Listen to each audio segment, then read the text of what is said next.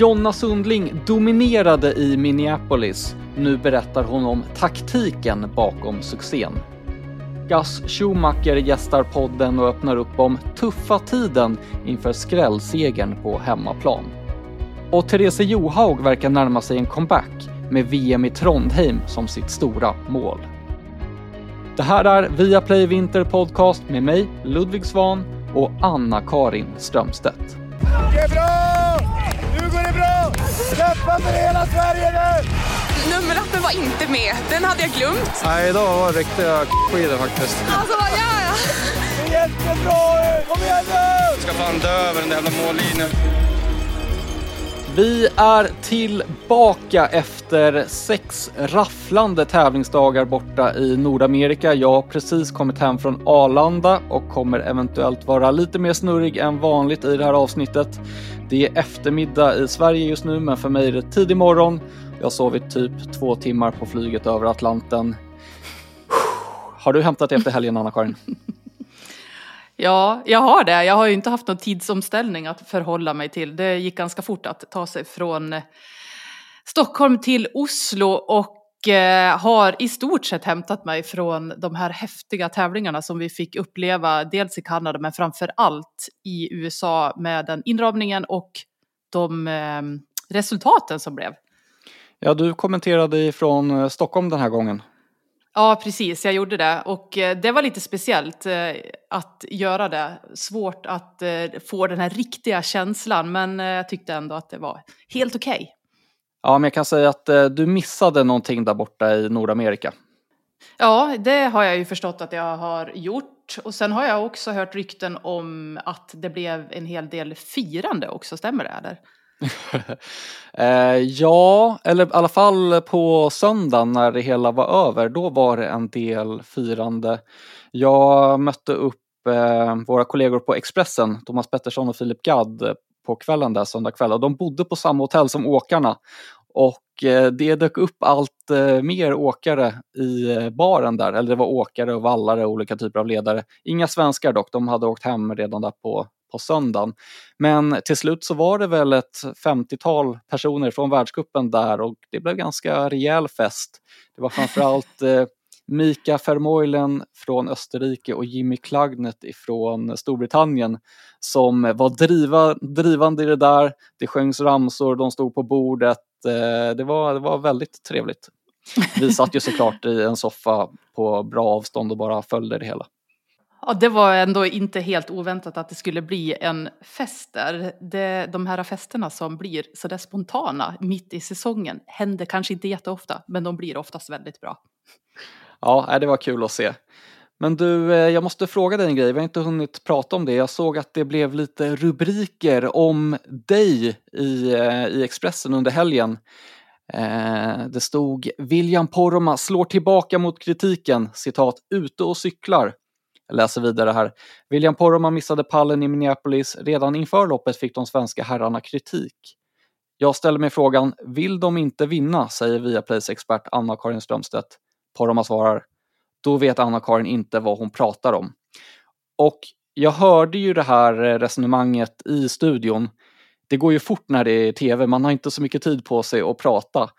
Och min teori här, du får, eh, du får säga om det stämmer eller inte, är att du inte riktigt hann, hann prata klart. För det tolkades som att du pratade om eh, Porma och Burman och Kalle.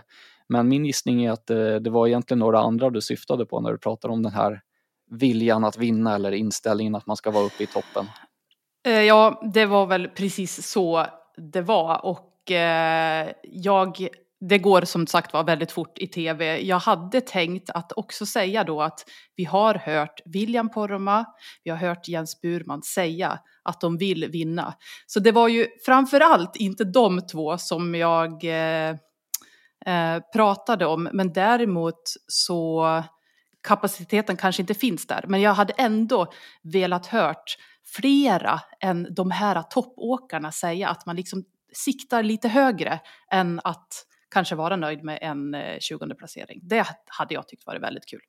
Jag kommer ihåg när du pratade med Moa Ilar i eh, Ruka.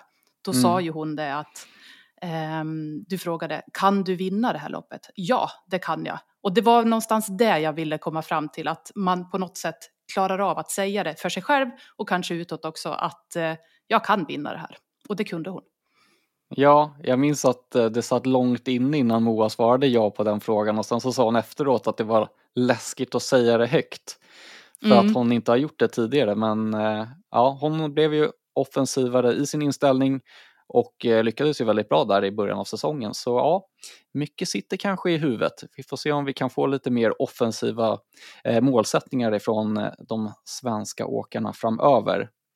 Du, han som du nämnde, Gus Schumacher, han ska vi ha med här i podden om en liten stund. Hoppas jag i alla fall. Jag har skrivit lite med honom och han verkade sugen på att vara med. Det är tidig morgon som sagt borta i USA och han vaknar nog snart. Sen så ska Jonna Sundling vara med en liten sväng också. Och eh, vi ska svara på lyssnarfrågor. Det är mycket som står på schemat här, men jag tycker att vi kan börja med en summering av vad det var som egentligen hände där borta i Nordamerika.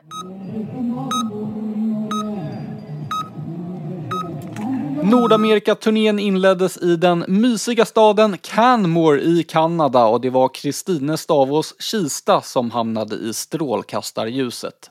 Efter att ha spurtat ner svenskorna i den första sprinten vände hon sig kaxigt om på mållinjen och skickade en slängkyss till sina konkurrenter. Men i den andra sprinten kom revanschen. På samma upplopp var det nu Linn Svan som var starkast och segergesten blev såklart en slängkyss.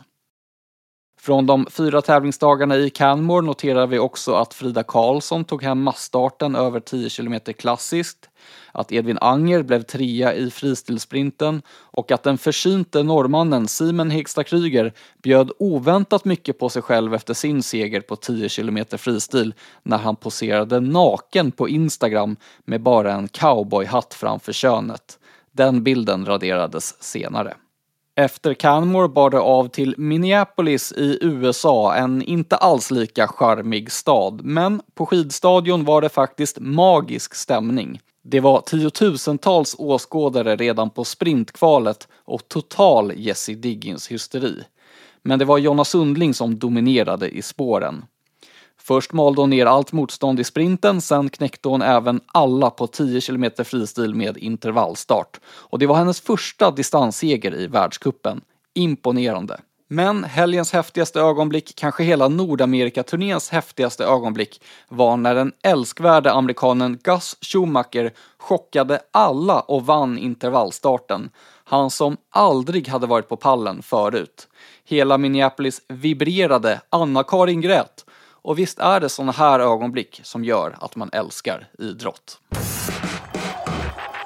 Du, det blev känslosamt när Gus Schumacher tog hem den där segern på hemmaplan.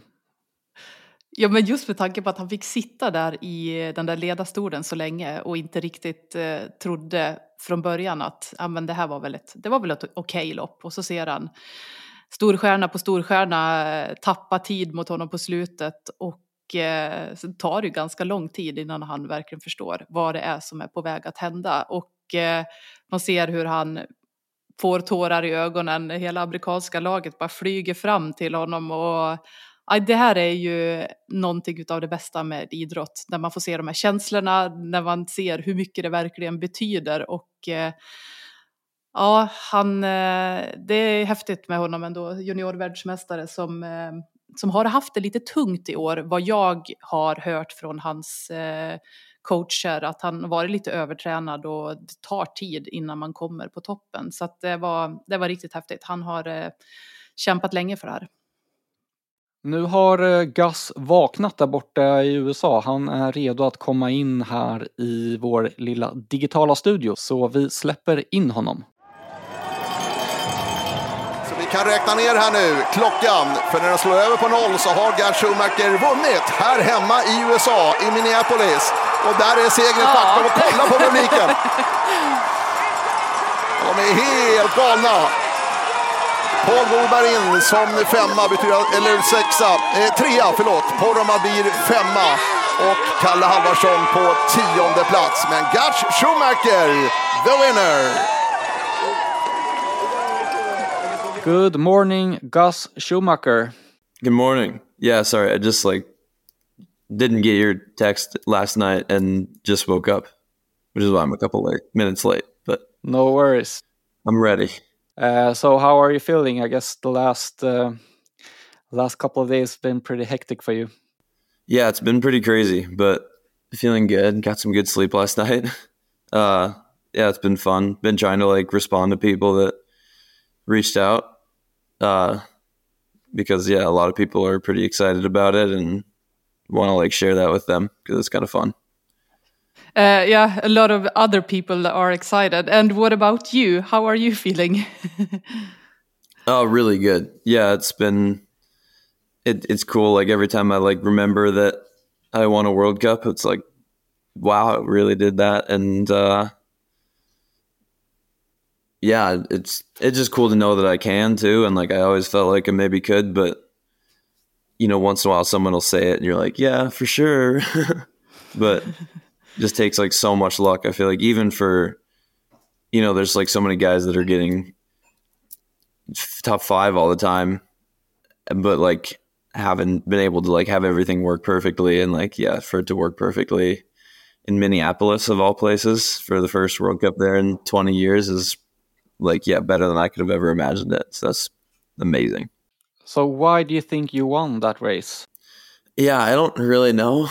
I'm sure the like hometown crowd had something to do with it. Like I got a lot of good cheering, but I also was doing a good job at like not putting a lot of pressure on myself, I think, and just really enjoying like the whole race for what it was and like enjoying the fans no matter what because they were like psyched to be there no matter how people did. Obviously they were psyched that we did well, but yeah, I was I felt like I was having I was pretty loose and having a good time. Uh and yeah, I mean, I couldn't tell you how like all the other things came together like I'm sure there was like some training ebbs and flows like rest and the races before it that helped but uh yeah, I was just like probably in a really good mindset and felt good and yeah, thankfully was able to do it. Skis were good. Th- that doesn't mm. always happen on the right day, you know. Mm. You won World Junior Championships a couple of years ago, or quite many years ago. But and uh, I talked to Matt Whitcomb ahead of this season, and then he told me that you had been training a little bit too much. Uh, and so, can you tell us how has it been the last years and uh, Uh, ahead of this season? Yeah, the last couple years definitely have been pretty hard for me. Like, I yeah had that World Junior success, and then got World Cup starts the year after when it was COVID too, and was like excited to do well and like had pressure on myself because I felt like I could do well in the World Cup, but I felt like to do that I needed to train a lot more, and it it worked all right the first year. Like I had some solid results there and like was able to be pretty stable, not like sick too much or anything, but I think like as that like training increase like started to like catch up with me I started to just be like sick more and maybe not like absorbing the training as much, especially in the winter. Like the spring, like off season, I think always was a good like reset, and then I'd feel good in the summer, and uh, the load would just maybe build too much into the winter time, and then I would just struggle to absorb racing. I think was a big part of it, and like would get sick a lot more, and it just made it hard to like gain any momentum. I think. Like I'd have a couple solid races, and then wouldn't feel good for a while. And then you know from there you have to like build back up the training and everything. And i was traveling in europe too like not at home much which made it hard. Uh and didn't obviously didn't like realize what was going on for a while. Like the olympics happened and uh i was still like good enough to be able to race which maybe like made it last longer uh but yeah kind of figured that out with some of my coaches and like slowly the last like last year, last spring. And yeah, just change the training a bit, mostly just like a little bit less. It's honestly not even going to end up being too much less, but uh, just made sure it was a little smoother. Maybe like no more really big weeks and really small rest weeks, and just like having it be smoother and training a little more with people when I was at home. I think like some of the guys that I'm training with at home, like JC and Luke Jagger, are and Zandon are really good at like knowing when to go fast and when to go slow. And I think sometimes I was, I'm sure, like not doing it quite right, and to be with them like a little more, I think has helped temper that sometimes. So how has this season been for you? It's been a lot smoother and like obviously I got sick during the tour, but uh, that just once I can deal with, and it's been really nice to be like consistently racing much better and not having like too many super bad races because that that's been fun and I've been like able to really enjoy feeling good a lot of the time. And yeah, just been like super grateful for being healthy and being able to race a bunch on the road with my friends and I've just been like enjoying the life a lot this year. We've seen you perform uh, well in the sprints. Uh, do you feel like, I mean, are you at your best in the sprints or in the distance races? I mean, yeah, right now I'm definitely sprinting better than I ever have, which is super fun. Because yeah, the last couple years I was uh, not sprinting well at all, like not getting the starts because I wasn't wasn't close to qualifying. Uh, and I think that part of that is training more with JC and Luke. Like I said, like the technical aspects, like the like JC's technical proficiency when he's at max speed is I think one of the best in the world. And I think that's really helped me like be able to find relaxation at those fast speeds. And uh yeah, it's been fun to be able to do that on the World Cup and I think like every time I sprint I get a little bit better at it too. Like that's maybe something about the World Cup that's kind of funny for a lot of people is uh you, as you race something more and like do it more, you get a lot better at it on the World Cup even. So that's been like really fun to be able to just be good by being there and uh, yeah i've been really enjoying doing some heats mm. how uh, was it to sit uh, and wait in the chair uh, just before you knew that you were going to win it was crazy yeah i well at first i was like get out of there maloney like i gotta i gotta get a picture on the chair uh, and then and then I was like, oh, this is going to be a good race. Like I'll be top 10. And then as it like more of my teammates came over in that corner by the chair and more like of the Norwegian dudes were hitting the 9k split and we're like losing maybe one second and still five seconds down. We were all like kind of realizing it at the same time. And yeah, when Luke was like, dude, you're going to fucking win this thing. Yeah, it was really crazy. I like didn't know what to do kind of. It was just nice to have them there to like hug them and stuff because I knew that that was something I wanted to do. But otherwise, I was like, yeah, took a while to like realize that those guys were not beating me. Mm. That's nice. Uh, I talked to uh, I talked to Kikkan Randall, and she told me that you've been out on the World Cup since you were a small kid, because uh, your father worked uh, with the national team. Tell us about that. Yeah, my dad was a doctor for a while, and from when I was like 12 and 14, like those times, we visited a couple times to the World Cup, and I guess it was maybe like four trips or something. We went to Davos a couple times. We went to Dusseldorf once for the city sprints there. That was cool, and I was already like I had started skiing with my like racing club by that time. So I was like, had done done a little bit of racing and sort of like knew what training was.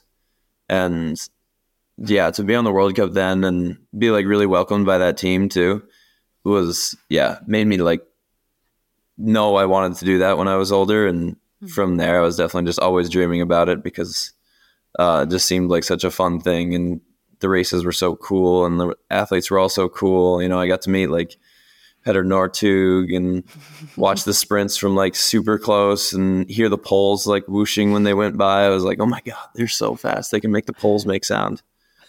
Uh, but yeah, that was, that was really fun and definitely like helped mm-hmm. encourage me as a young kid to try to like get to this place where I was able to race World Cup. So what are you hoping for now, the rest of the season?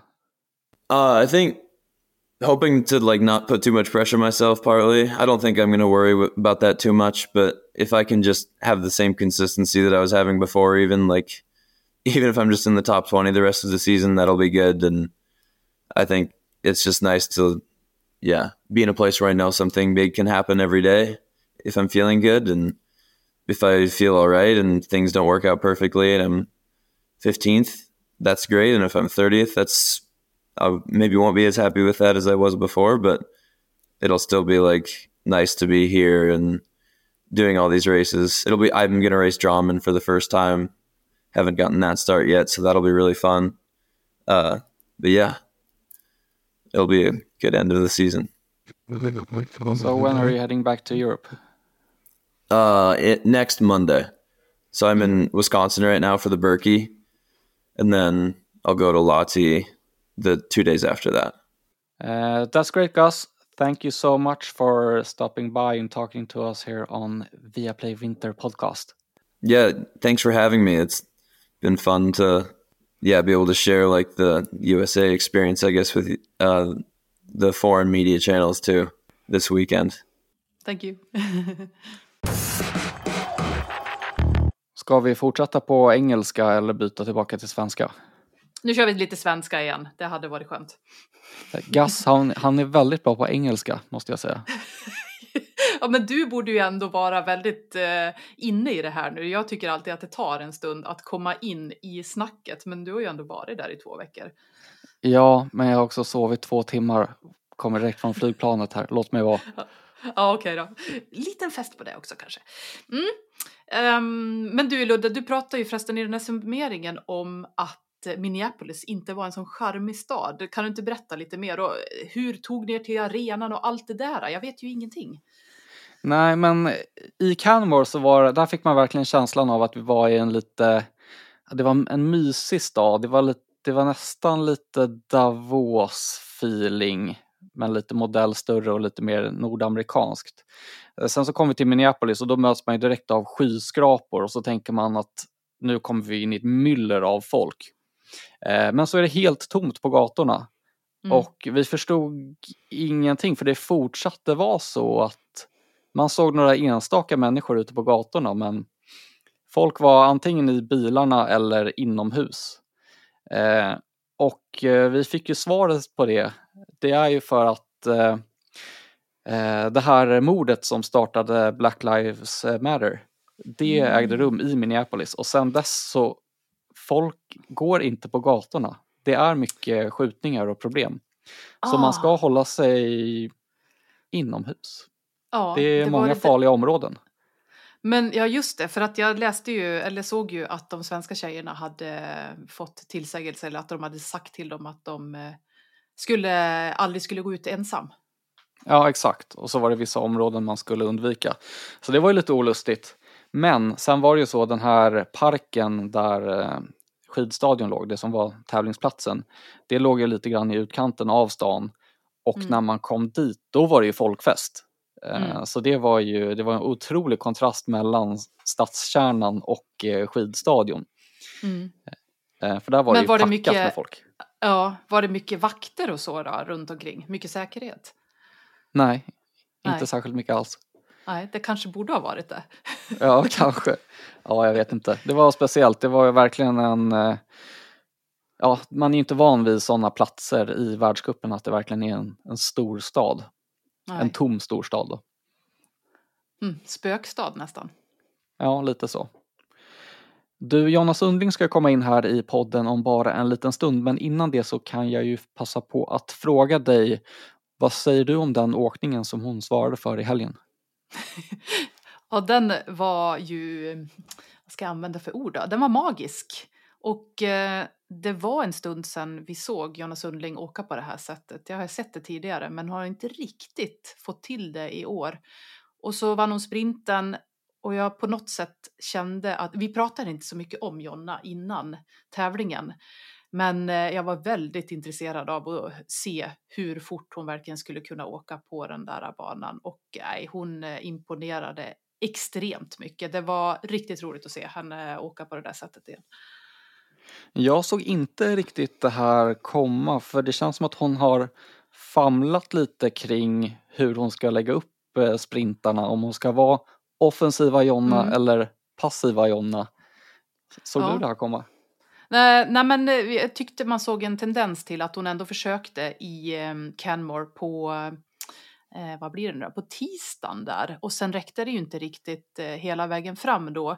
Men... Eh, mm, jo, så här ska jag säga. Men jag eh, är faktiskt väldigt nyfiken om att fråga Jonna om just de här eh, taktiska delarna och så här. Eh, vi har ju pratat så mycket om hennes taktik att köra full gas var lite kritiska till det. Nu ska det bli spännande att höra vad hon själv säger om det. Ja, för nu är Jonna redo att komma in här så vi släpper in henne.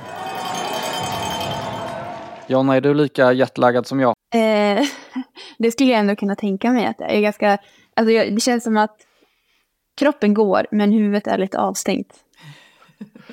Ja, det är samma här. Jag kom hem precis så det är riktigt snurrigt här. Ja, jag fattar, tror jag.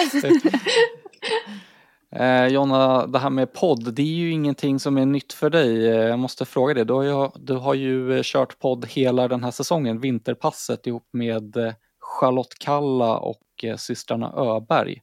ja, det stämmer. Hur har det varit? Nej, jag tycker det har varit väldigt eh, roligt att få, få göra det. Det var från att, som att gå från 0 till 100, jag har aldrig poddat på det viset tidigare. Och sen att eh, i princip göra det varje vecka tillsammans. Det, först kändes det, oj, vilken, hur ska det här gå? Men det har gått väldigt, väldigt bra. Och vi, vi ska faktiskt podda ikväll också, Mm. med Vinterpasset. Så eh, det ser jag fram emot. Mm.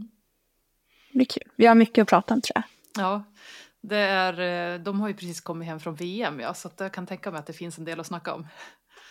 Ja, det tror jag också. Det blir intressant att höra hur de har haft det. Mm. Vi får eh, tipsa om den podden men nu tycker jag att vi vrider fokus mot eh, världskuppen i längdskidor för där har det ju gått väldigt bra för Jonna de sista dagarna. Helgen i Minneapolis, dubbla segrar. Varför kom det här nu Jonna? Bra fråga. Eh, jag har väntat på att det ska hända någonting lite mer extremt. Det har varit helt okej den här säsongen ändå. Det har, det har som varit lite, kanske mediokert, lite mellanmjölk. Det har inte varit dåligt och det har inte varit de här riktiga topparna. Men, men nu i Canmore får jag verkligen känna på, på topparna också. Det är jätteroligt att, att det har vänt. Eh, att jag har fått eh, ja, men, känna mig riktigt stark och kunna åka väldigt, väldigt fort också på skidor. Det har varit jättekul och det roligaste var nog, eh, alltså båda tävlingarna är jag väldigt, väldigt nöjd med. Men kanske extra nöjd med distanstävlingen just för att det är min första vinst i, där då på distans och att det är individuell distans. Det har vi inte kört så mycket i år utan sist vi körde det så var det i Toblach. Och det var ju jättelänge sedan. Det var ju under Tour de Ski. Och nu är ju för starten i eh, Minneapolis så var det som, jaha, hur, hur gör man det här? För det här var så himla länge sedan jag gjorde. Eh, så att eh, jag försökte bara tänka att jag skulle hitta bra rätt, eh, och rätt utgångsfart. Men det, är- det är ju lättare sagt än gjort. Speciellt när man inte gör det så ofta. Hur mycket handlar det om att det här var en bana som passade dig eller hur mycket handlar det om att din form är tillbaka på den där nivån nu? Eh, men jag tror att det både och att formen har varit väldigt bra i Canmore och eh, banorna passade mig eh, rätt så bra ändå. Eh, jag var Nu sa lite du Canmore, du menar Minneapolis? Men gud, jag tänkte ju. Alltså jag tänkte Minneapolis. Alltså det är det här jag menar. Mitt huvud är inte riktigt med. Alltså jag, det var, jag skrev eh, igår med en kompis och jag tänkte eh, Minneapolis. Bara, ah, men han, eller, han sa att ah, men det, gick ju, det gick ju fort i Minneapolis, det åker jättefort nu. Jag bara ja, jo, eh, det gick bra i Canmore. alltså, jag vet inte, jag blandar ihop det. Eh, nej, men jag tror att det, det är både och, både formen är där och att banorna passade mig.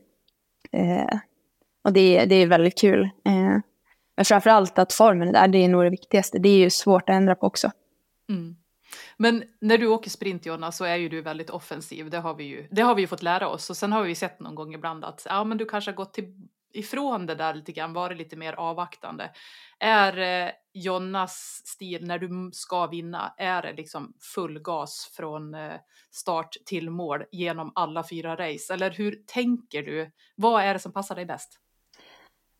Det är nog det du säger, egentligen att vara offensiv. Eh, jag tycker man... för att liksom ta sig så långt som möjligt. Och då, då är det kanske viktigt att jobba med de egenskaper man har. Och jag har ju testat lite olika taktiker genom tiderna och min taktik är ju att gasa ganska hårt. Sen är det också att jag kan, jag kan vara mer avvaktande också. Eh, men de gånger jag gjort det i år har det gått eh, mindre bra och jag hamnar i situationer där jag inte har, eh, där jag inte har kunnat lösa dem. Och åkt ut tidigare än vad jag har velat. Och kanske vad jag haft kapacitet till också. Så det har varit tråkigt. Men desto skönare och roligare nu när man ja, men, vågar åka offensivt och så sen eh, får man det där banorna passar en och, och det, det går bra. Eh, men eh, ja, det är en offensivt som, som passar mig bäst om man ska välja någonting.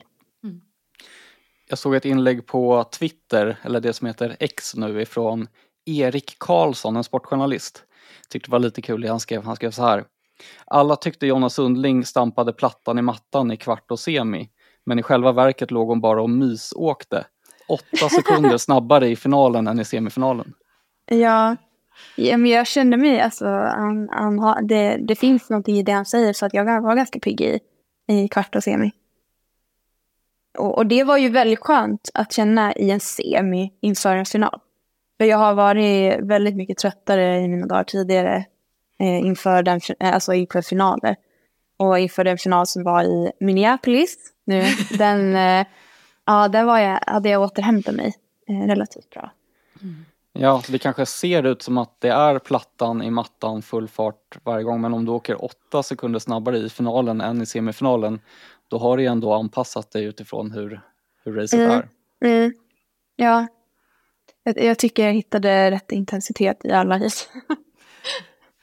Men vad tänker du när du vinner kvalet med 4, 5, 6 sekunder? Du är eh, 20 meter före tvåan i mål i kvartsfinalen. Vad tänker du då? Tänker du att men gud, nu har jag åkt för fort? Eller känner du att det här var rätt?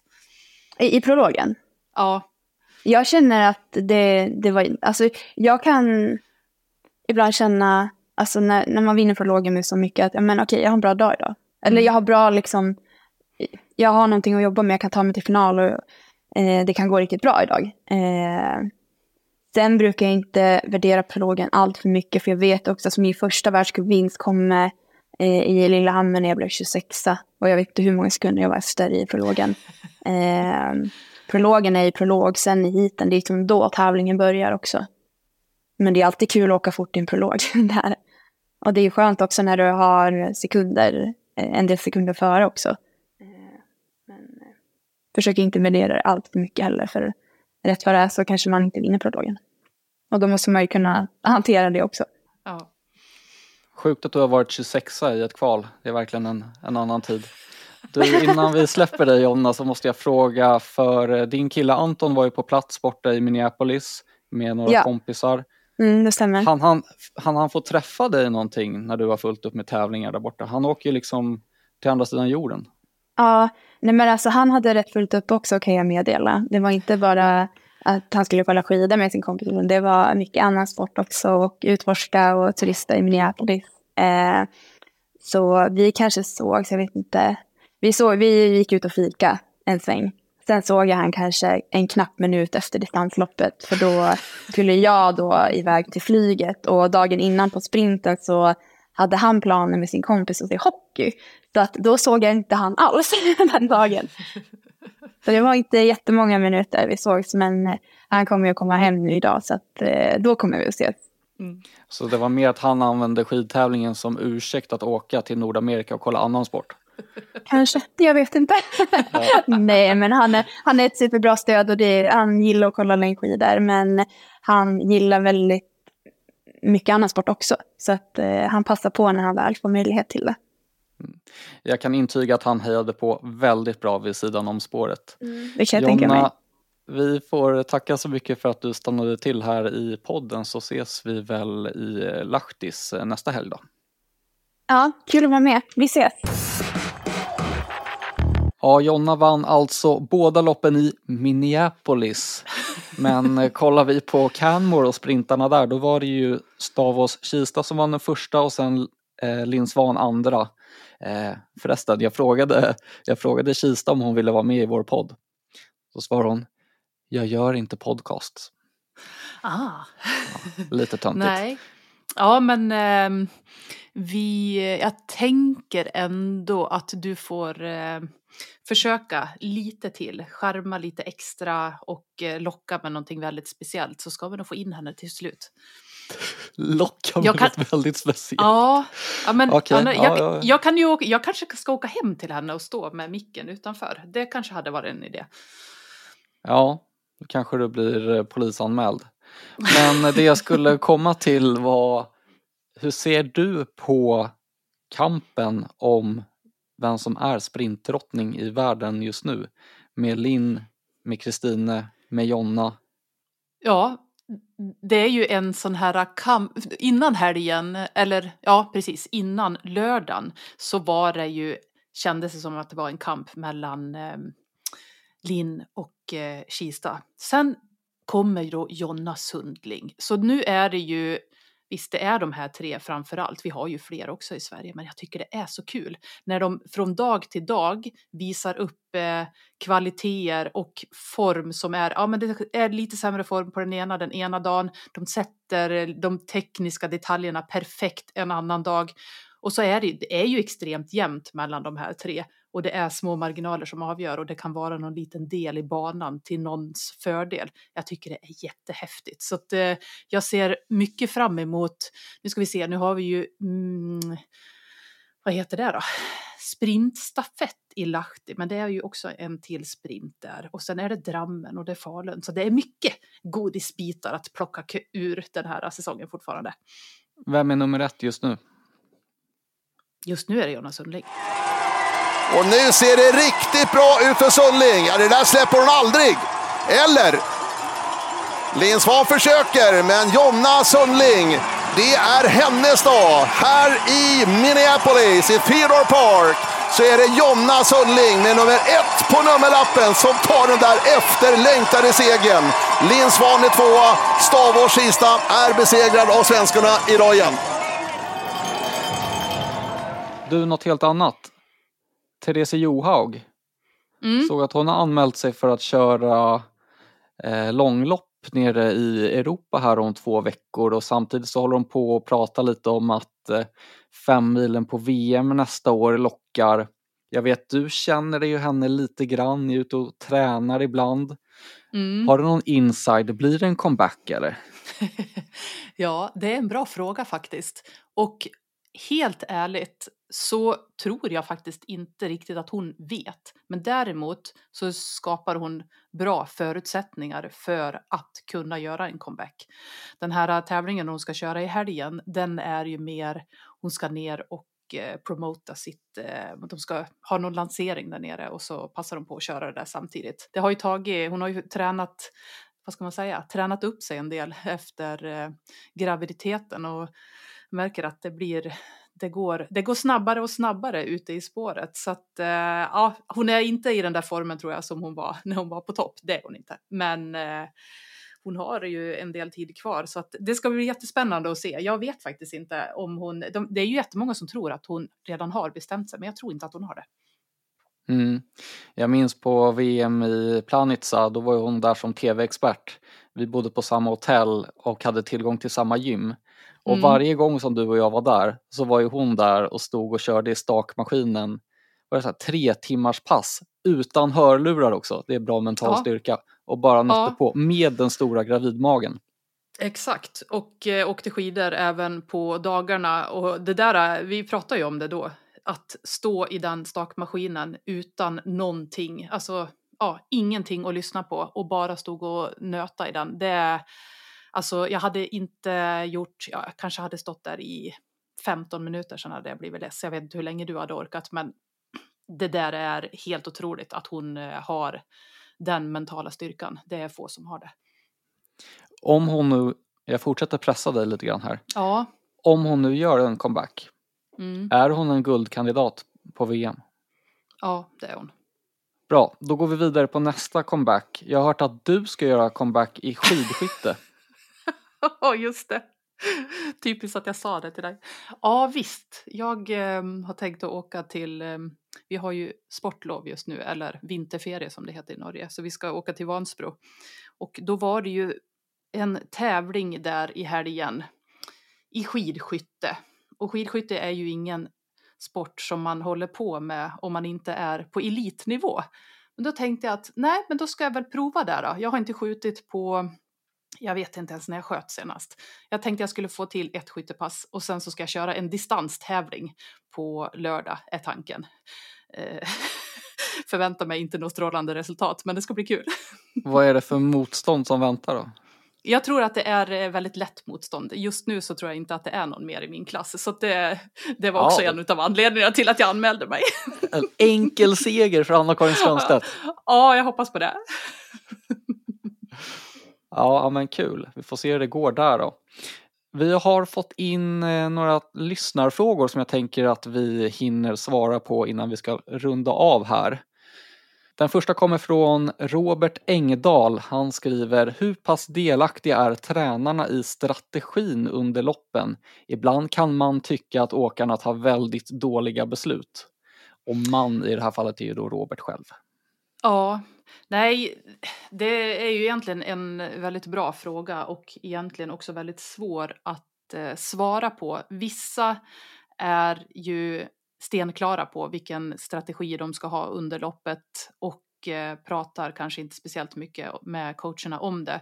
Däremot så är det ju många som behöver hjälp och Ehm, men i slutändan så är det ju inte säkert att man håller sig till den här planen som man kanske har kommit överens om med coachen.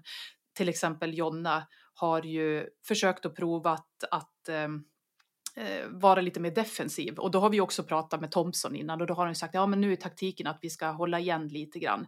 Så det är klart att då är ju han delaktig i det här. Men eh, det är väldigt olika. Vissa är, ta en som Kläbo till exempel, han är ju en mästare på att veta hur han ska göra det här och han är också en mästare på att kunna anpassa taktiken ut efter hur loppet eh, blir det är det ju få som klarar. Så att det är nog en balansgång där. Man behöver ha input och det är också väldigt skönt att få input från eh, tränarna. Men det är, i slut, det är inte så att tränarna bestämmer att nu ska du köra så här, utan det är ändå ett beslut som åkaren ändå måste ta själv. En fråga från Annette Germer. Hon skriver en fråga till Anna-Karin. Jag har flera gånger sett Stavås Kista byta spår på upploppet och köra in väldigt tätt framför annan åkare Nästan så att den andra åkaren måste stanna upp ett ögonblick. Är det OK att göra så? Nej, alltså det här med alltså spårbyte. Om det är näst, nästan så att den andra åkaren måste stanna upp ett ögonblick. Ja, så länge Då låter det, det som att det, att det kan vara okej. Okay. Ja, så länge det inte blir någonting, att det blir ett gult kort eller att det blir en muntlig varning så är det såklart okej. Okay. Sen så är det klart att man hela tiden försöker att, eh, ja men i det här fallet så prövar ju Kista att stänga den som kommer i det där spåret, går in alldeles framför henne. Det kan också vara så att hon går ut en tiondel sekund för sent Eh, vilket gör då att den här personen får stanna upp. Sen är det ju också, ja, när man byter spår, så får man ju, i klassisk till exempel, så får man ju ett extra skateskär. Det får man ju ta, ja. få lite extra fart. Så att eh, det finns ju olika delar i det här, men visst, absolut är det många som eh, går in för att försöka stänga andra och det är ju okej okay, så länge det inte blir sådana här incidenter som vi ser ibland när man kör över skidorna och eh, folk ramlar. Ja, och man kan också säga det att om det sker på upploppet så är det en position där juryn har väldigt bra koll. Eh, mm. Så då granskar de det, så man kan utgå från att om det inte blir någon bestraffning så var det ju då helt enkelt OK. Ja. Nästa fråga från Per Jämtelid. Hallå, hallå! Vore kul att i ett avsnitt av podden höra lite diskussioner och spekulationer kring tänk av val av hit i sprint. Jonna, Linn och Kista går ju alltid hit 1 och 2 innebärande oerhört tufft med direktkvalificering till semi. Och med Diggins på nedre halvan blir ju alltid den semin snabb. Det vill säga mm. chans för platser 3 och 4 att gå vidare på tid till final. Ja, precis. Men eh, det här, är ju, det här ski- skiljer sig ju väldigt eh, olika åt från tävling till tävling. I helgen till exempel då när eh, Jonna stack iväg i kvartsfinalen så körde hon ju fort, men då valde ju Kista att inte köra fort. Och då var det ju svårt, då hade ju det, hade Kista hängt på där, då hade de andra också fått lov att åka väldigt fort, vilket hade betytt att det hade varit det hitet där det kanske hade varit två stycken lucky losers. Men nu blev det inte så. Men Diggins, ja, där vet man att där går det alltid fort, men det är inte säkert att det går så fort så att eh, det blir lucky losers från de hiten. Vad hade du haft för strategi om du var en åkare? Eller om du var en åkare? Vad hade du haft för strategi om du fortfarande tävlade i sprint? Jag hade nog, ja men det är en intressant fråga och det ser man ju när de väljer att det är många som är väldigt, väldigt osäkra vilket hit de ska ta eftersom de vet att ja, det här hitet kommer att gå fort, det här hitet kommer att gå långsammare. Men då måste man också se vilka är det som är bra spurtare i det här hitet. Har jag möjlighet att ta mig vidare här? Så att det är ju på något sätt så går det ju inte riktigt att eh, säga på förhand hur det kommer att bli utan man får, och sen är det ju de här stackarna ska jag säga, inte stackarna men de som får välja först eller sist, de har ju inget val. Men eh, vi börjar ju ändå lära oss att eh, Kista går i första, Jonna går i första, hon gick i tredje en gång. Men ehm, eh, Kläbo går alltid i första. Så att det, ja, Ja, och vissa håller fortfarande på att testa sig fram, typ Edvin Anger som har lämnat hit ett nu för, för ett tag och testar lite annat. Eh, Ja. Det finns olika vägar fram till final. Men det är ju det som är eh, intressant också är ju att går du i första heatet så får du väldigt mycket längre vila till semifinalen. Går du i sista kvartsfinalen så får du kort vila till semifinalen och det där är, kan också vara, vissa gillar att inte behöva värma upp två gånger, vissa vill ha en lång paus. Så att det är lite olika beroende på vilken åkare det är. Vi hinner med en fråga till. Den är från Madeleine. Hejsan! Jag har en fråga till podden. Vad är det som avgör hur snabbt slash bra en åkare är utför? Tänker, tänker till exempel på Kista som alltid glider ikapp de svenska tjejerna i utförsåkningen. Och det kan ju inte bara vara valla. Diggins kan också åka väldigt mycket snabbare än andra just utför. Tänker att om det har med tyngden på åkarna att göra men Diggins är nog inte tyngre än många andra men lyckas ändå generera mer fart. Aerodynamik? Frågetecken. Teknik? Frågetecken. Har kliat mig i huvudet över detta varje gång jag ser svenskorna bli omglidna strax innan upploppet. Ja. Det är ju många delar som spelar in här. Självklart så har skidorna mycket att säga. Om man har dåligt, dåligt glid en dag så har man ju inte en chans. Men vi fick ju ett bra svar från eh, Johannes Höstflot Kläbo på den där frågan för några veckor sedan när jag frågade honom om hur han kunde vara så bra på det här. Och då sa ju han att eh, han har åkt mycket på och lekt på skidor när han var liten, vilket gör att han har bra balans, han har bra koordination, vilket gör att han kan manövrera de här utförsbackarna väldigt lätt och väldigt enkelt och han klarar av att skapa mycket fart. Och det gör ju också Kista. Det är ofta man ser att hon i en utförsbacke lägger sig Eh, i rygg för att komma in i den här slipstreamen som vi pratar så mycket om. Alltså man vet ju att det går lättare när man ligger bakom någon annan, får så pass hög fart och sen viker hon ut. Så att det handlar ju mycket om eh, taktik också. Det handlar om koordination, det handlar om eh, teknik, det handlar om taktik, det handlar om aerodynamik, det handlar om så många olika delar och vissa är bättre än andra på det här. Diggins är ju riktigt bra på att skapa fart genom kurvor till exempel.